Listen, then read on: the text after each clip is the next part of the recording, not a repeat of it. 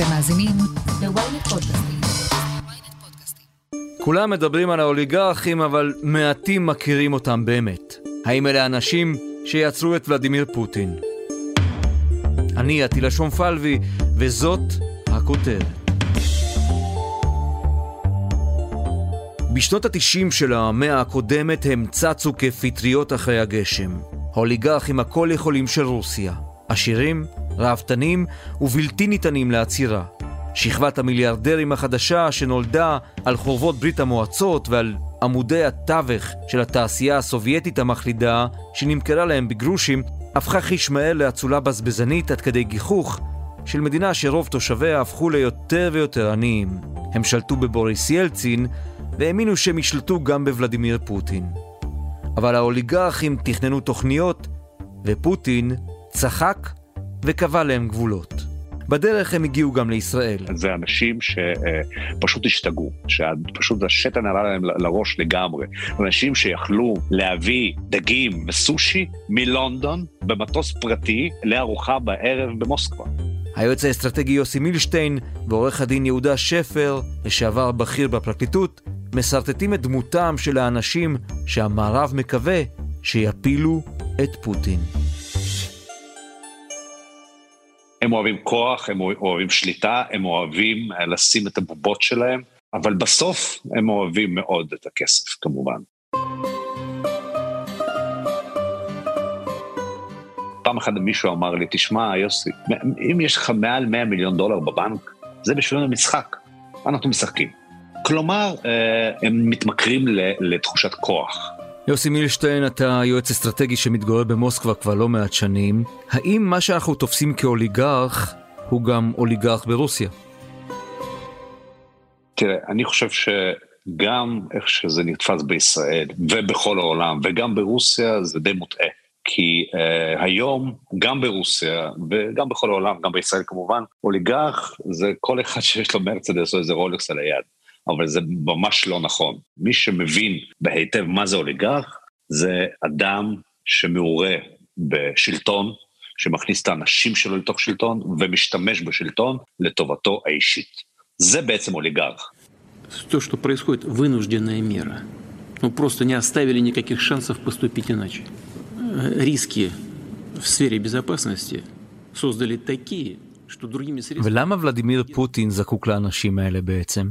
אני חושב שדבר ראשון, הוא לא זקוק לאנשים האלה, והוא עשה הכל בשביל לנטרל אותם ולהוריד את השליטה שלהם. הוא עשה את זה בצורה, לדעתי, מאוד רוסית, כמו איזה דוב. הוא פשוט הפריט כמעט הכל, הוא, הוא ניסה להפריט כמעט הכל, ואמר, אוקיי, זה לא יהיה אצלכם, זה יהיה במדינה.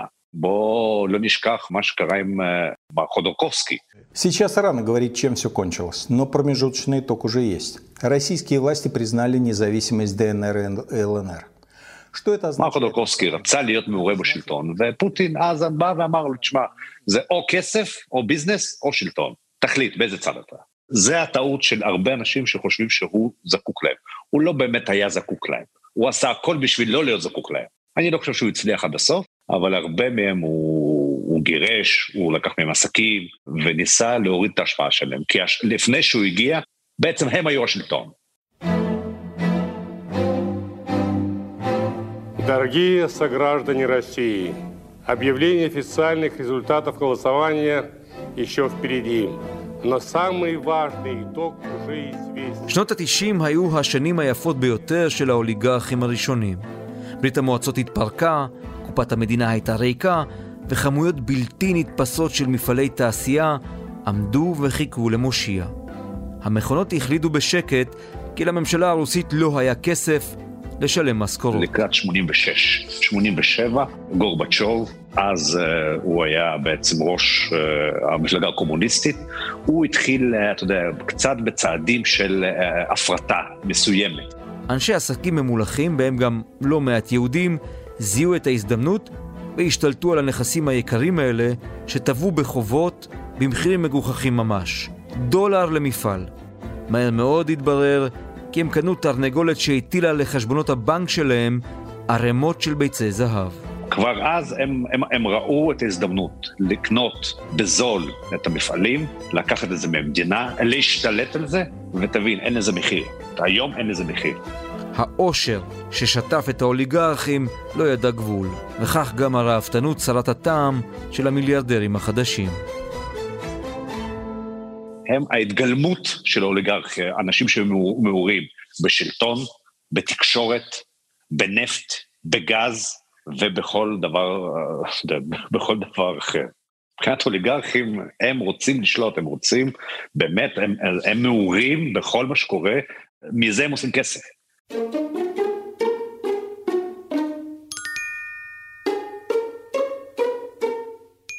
כמה כסף מסתובב שם? אנחנו רואים עכשיו בעיתונים שהם הפסידו מיליארדים, עשרות מיליארדים, יכטות, מטוסים פרטיים.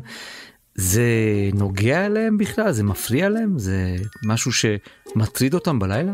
תראה, אני, אני יכול להגיד לך מניסיון אישי, שדיברתי עם מישהו שבאמת שווה הרבה, הרבה מאוד כסף, והוא אמר, יוסי, אתה יודע, אני התעוררתי הבוקר וכל הכרטיסים שלי היו חסומים. מבנקים שוויצריים ואחרים. אני חושב שזה כן נוגע בהם. אנשים שהגיעו למקום שהם הגיעו, זה כן מפריע להם. Tonight, I say to the Russian oligarchs and the corrupt leaders who built billions of dollars off this violent regime, no more. The United States,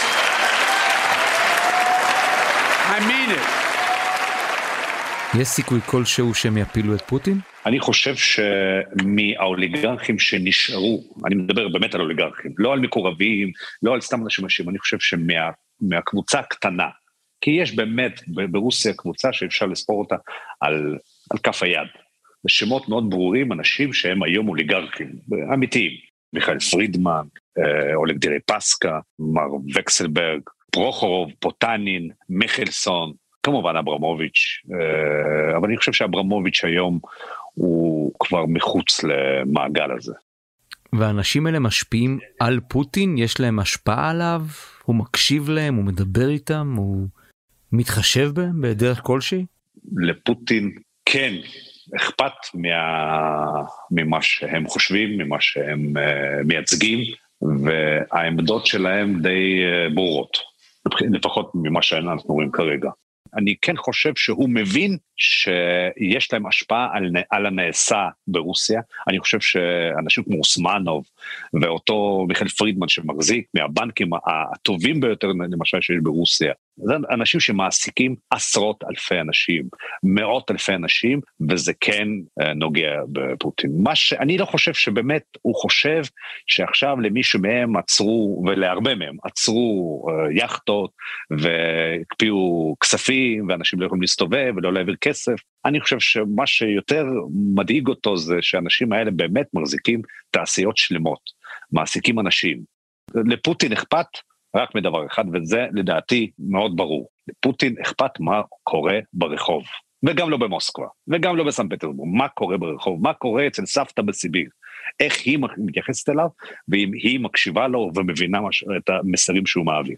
ואותו אוליגרך שיש לו תעשייה בסיביר, אם הוא בבעיה, והוא נוסע, והוא מפטר אנשים, זה יכול ליצור איזשהו בום מאוד גדול בתוך העם. ובכל זאת, אתה יודע, יש סברה כזו במערב, שהאוליגרכים שציינת את שמם, אם הם רוצים, הם גם יכולים לבלום את פוטין, אולי אפילו להפיל אותו. אתה מאמין בזה? אני כן מאמין שאם הם אה, מתאחדים, אה, יש סיכוי שהם יכולים אה, להיות אופוזיציה מאוד, מאוד גדולה מולו. מבחינתי, בתור אדם שחי שם, מבחינתי זה די צרם לי. ממש ימים ספורים, או ממש באותם ימים, או אסף, הוא קרא לזה, הוא, אתה יודע, כינוס של אנשי עסקים, להסביר להם ולדבר איתם, ובאמת, היו שם בודדים, שבדרך כלל כל שנה שזה קורה, שולחן עגול, ויושבים שם כולם, ומדברים, וכולם נמצאים שם, והפעם זה היה מאוד דל.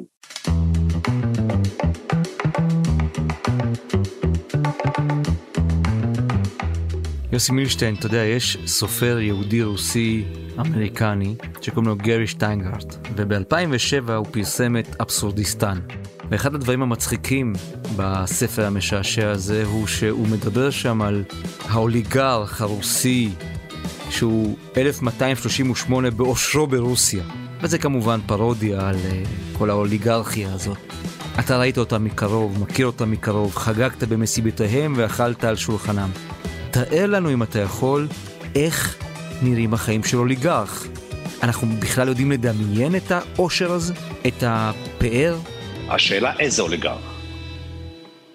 השאלה אם זה אוליגרך של היום, או שזה אוליגרך של לפני 20 שנה, או 15 שנה. וזה גם מאוד קריטי. תראה, הישנים זה היו הנובורישים של היום. אז אנשים שגדלו בסובייט יוניון, בברית המועצות, שלא ראו שום דבר, שהיו מהנדסים. מי זה ברזובסקי? מי זה גוסינסקי? זה מהנדסים. ופתאום נפל עליהם עושר ושלטון, אה, לא הייתה שם שום הגבלה. זה אנשים שפשוט השתגעו. אנשים שיכלו להביא דגים וסושי מלונדון במטוס פרטי לארוחה בערב במוסקבה. אני הייתי באחד המסיבות, וזה לא היה כל כך מזמן, שהוא הזמין, אה, או ג'ניפר לופס, או מראה, אני חושב מראה קרי, ופשוט מהתקרה של אותו עולם, זה היה יום הולדת, נפלו מאות שטרות של מאות דולרים, וזה באמת ככה. ואתה יודע, מה שהיה מצחיק, שאף אחד לא העז להרים את זה, ורק המלצרים דחפו את זה עם הרגליים מתחת לשולחנות, כי ברור שאחר כך הם אספו את זה. ואו לקנות שעונים שהם, אתה יודע, במאות אלפי דולרים, מכוניות שאף אחד לא צריך, להחזיק צוותים, אה, בתים אה, עם, עם מסלות זהב ומה שאתה רוצה, מטוסים, שלעולם לא הבנתי למה הם צריכים את המטוסים האלה. היום יש שוני, היום הם כבר הבינו שבעולם לא אוהבים את זה. עכשיו אל תשכח, מה אמר אחד מראשי היורו, הגוש היורו, לא יהיה לכם סנטרופה, לא יהיה לכם יהלומים, ולא יהיה לכם הרמס וכאלה. הוא לא סתם אמר את זה. כי יש את התחושה הזאת שהם כל היום בסנטרופה ובקזינואים ובמונאקו. היום הגדולים באמת הם מנהלים אורח חיים יותר צנוע, חד משמעית. אבל עדיין, אתה יודע, זה נשאר, זה נשאר הטירוף הזה.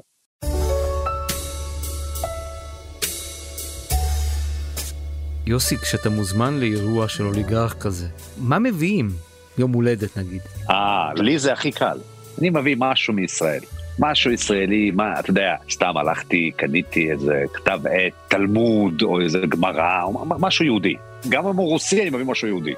אתה יודע, אבל ביניהם זה הזוי, אחד יכול, אתה יודע, מביאים תמונות של פבלו פיקאסו, מביאים תמונות של קנדינסקי, כל אחד מנסה להמציא משהו, אתה יודע, לא כסף, ברור שלא כסף. תמונות של פיקאסו ליום הולדת. לגמרי. מיד נמשיך עם הכותרת, אבל לפני כן יש לנו משהו לספר לכם. היי, אני יובל מן. ואני אושרית גנאל. בעולם הטכנולוגי של היום צריך שמישהו יעשה קצת סדר. הצטרפו אלינו לרפרש, פודקאסט הטכנולוגיה של ynet. בכל שבוע נדבר על מה שחדש ומעניין בעולם הדיגיטלי. רשתות חברתיות, גאדג'טים, המצאות חדשות, וגם הפוליטיקה של חברות הענק. חפשו רפרש בוויינט או באפליקציית הפודקאסטים שלכם.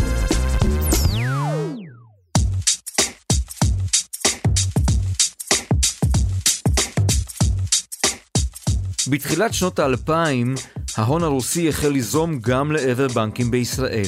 באגף המודיעין של המשטרה, בשב"כ וגם בפרקליטות המדינה החלו לפקוח עין על הזרם הבלתי פוסק של דולרים שמקורם לא היה ברור.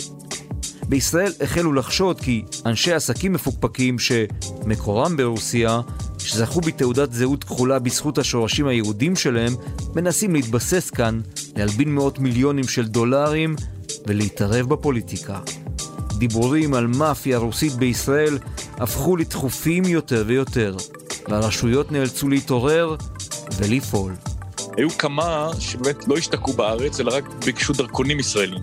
והחוק לא מאפשר למי שאיננו תושב ישראלי להיות בעל דרכון, ואז היו כמה בג"צים שאנשים הגישו, מלבסקי אחד אני זוכר, הגיש עתירה לבג"ץ, אני הופעתי בשם המדינה, והתנגדנו לתת לו דרכון, כי הוא למעשה לא היה קשור בישראל, ואני לא אשכח את הדמות שלו בבית המשפט עם האוזן החתוכה, מביט בי במבט מאיים. למרבה המזל, כמה חודשים לאחר מכן הוא נספה בתאונת צניחה מסתורית. עורך דין יהודה שפר, היית בכיר בפרקליטות. מתי בפרקליטות המדינה ובמשטרת ישראל התחלתם לשים לב לתופעה הזו ששמה אוליגרכים, לתופעה הזו של הון גדול שמגיע לישראל? אז חוק איסור הלבנת הון נחקק בשנת 2000, ומאותו רגע למעשה החלה בקרה מוגברת יותר של uh, הכספים שנכנסים לישראל. אותם אנשים, ברגע שהם הגיעו לישראל, והגיעו עם עושר בלתי מוסבר ובלתי פרופורציונלי, ובלי יכולת להסביר גם על מקור העושר שלהם, נדרשו על פי חוק איסור בלטון להסביר מאיפה ההון שלהם, וחלקם גם מצאו את עצמם בחקירות. למה ישראל הייתה נוחה להם? ישראל היא חשופה במיוחד לסיכון מכמה סיבות. קודם כל, בגלל חוק השבות, חלקם הם יהודים או זכאי חוק שבות, וזה מאפשר להם אה, להתאזרח כמובן, בקלות, בלי שום בדיקות, ואף אחד לא יכול להתנות על זה. וכמובן גם חוק מילצ'ן, שהוא חוק פסול מעיקרו, משום שהחוק הזה קובע לא רק פטור ממס לעולים חדשים, שזה בסדר, לעודד אנשים, במיוחד עשירים, לבוא לארץ ולזכות מפטור ממס, זה דבר שקיים בהרבה מדינות והוא לגיטימי. מה שחוק מילצ'ן קובע זה שיש גם פטור מדיווח כלשהו עשר שנים, מה שמעקר לחלוטין את היכולת של אה, רשות המיסים והרשות לאיסור הלבנת הון בכלל לעקוב אחרי הדברים האלה. הסיבה השנייה היא שישראל היא מקום קטן. בעזרת הון קטן יחסית, אתה יכול לרכוש השפעה גדולה מאוד. ראיתי לא פעם במהלכי חקיקה בכנסת, ראיתי חברי כנסת, איך הם מתנהגים כשעוסקים בחקיקה שנוגעת לאוליגרכים, וזה לא מחזה מלווה במיוחד. כלומר, תתאר. כלומר, אתה רואה שחברי הכנסת מגיעים לדיונים בוועדות עם דפים מתודרכים היטב, יש מערך שלם של... אה, הכסף הגדול משפיע בהחלט. וזה עדיין קיים בישראל 2022? הרבה פחות, אני חושב. יש היום הרבה יותר מודעות, אבל שוב, אה, תראה, אני, דוגמה שלא מזמן קרתה, תיק הממד החמישי, פה דובר על חברה שהייתה בשליטה של אה, אוליגרך בשם וקסלברג, שגם מקורב מאוד לפוטין וגם נחשד בעבירות שונות ברחבי אירופה. ולקח את, את הרמטכ"ל לשעבר, את גנץ, בתור אה, פרונט למעשה, ועמד לקבל גישה לכל המודיעין המשטרתי. ופתאום אה, האמריקאים הכריזו על וקסלברג ברשימה שחורה, והקפיאו את כספה, ומה שהביא להתמוטטות החברה. אלמלא כן, יכול להיות בהחלט שחברת הממד החמישי הייתה זוכה לגישה ישירה לכל המודיעין המשטרתי שלנו, כשמי שעומד מאחורי החברה למעשה זה אוליגרך שמקורב מאוד לפוטין. זה מעיד על חוסר מודעות לחלוטין, גם במקרה הזה של בני גנץ וגם של אחרים, לסכנות שיש עדיין בדבר הזה. כשאתה מסתכל על האוליגרכים עכשיו באירופה, מתרוצצים, מחפשים איפה הכסף שלהם, יש בך איזושהי חמלה או שהכל זה כסף, בוא נגיד, לא הכי נקי? כחלק מהמלחמה בפוטין, האמריקאים והאירופים, במקום להשיב אש באוקראינה, פתחו במלחמה כלכלית. שהיא בכמה רמות, היא גם נגד אה, הכלכלה הרוסית בכלל, אבל היא גם ממוקדת מאוד נגד מספר אוליגרכים שמקורבים לפוטין, ושיש אה, יסוד מודיעיני להניח שמסייעים לפוטין. But I'm first of all worrying about people who are working for us. You know, we have a lot of, you know, very prominent people in the top management, the general management. As I said, it's hundreds of thousands of people working for us. In, in... ראינו כבר חלק, חלק מאותם אוליגרכים קוראים לשלום ומוכנים לגשר וקוראים להפסקת המלחמה. כלומר, אנחנו מזהים פה אה, בהחלט התגייסות שלהם לעניין, והפגיעה הכלכלית היא די גדולה. אנחנו בישראל צריכים להיות זהירים כאן, משום שבישראל הסנקציות האלה לא תקפות מבחינה משפטית. ואני מאוד מקווה שהם לא יחשבו אה, להביא את הכספים האלה, את הרכוש הזה לישראל, מה שיכול להכניס אותם לבעיה. הייתה כבר איזו הצהרה של משרד החוץ שישראל לא תאפשר את זה, ואני מאוד מקווה שאנחנו נעמוד בזה, כי לדעתי העולם לא... יתייחס לזה בסובלנות, אם ישראל תהפוך להיות עיר מקלט פתאום מפני סנקציות. עורך הדין יהודה שפר, לשעבר בכיר בפרקליטות, תודה רבה לך. תודה רבה לך, תילה.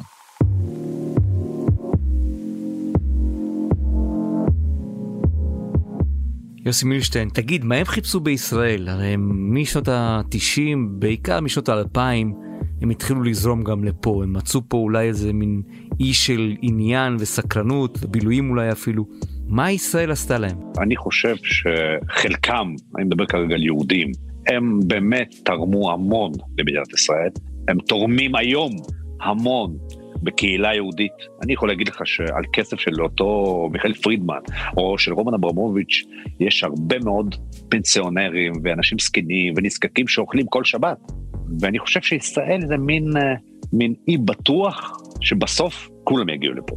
Кому нравится, я буду, я пускай олигарх, кому приятнее, я депутат, поэтому мне это не беспокоит. Если вы смотрите телевизор... רומן אברמוביץ' היה נסיך של לונדון, אל תשכח את זה.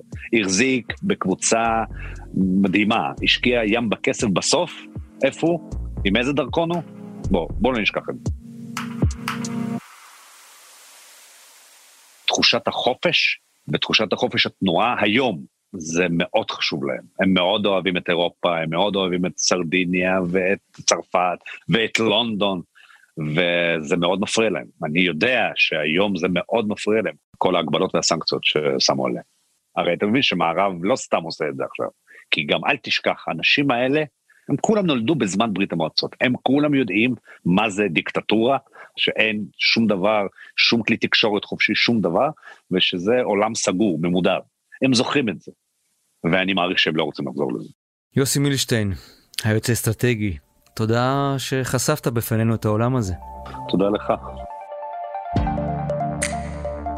עד כאן הכותרת להפעם. אתם מוזמנים לעקוב אחרינו בוויינט או באפליקציות הפודקאסטים האהובות עליכם. אם אתם בספוטיפיי או באפל פודקאסט, אנא דרגו אותנו בנדיבות. וגם, אל תשכחו לשלוח את הפרק החדש לחבר שעדיין לא שמע את הכותרת של היום. עורך הפודקאסטים הוא רון טוביה. גיא סלם סייע בעריכת הפרק. דניאל עמוס הפיקה. על הסאונד, ניסו עזרן. סיון חילאי גם היא חברה בצוות הכותרת. אני עטילה שומפלבי, נשתמע בפעם הבאה.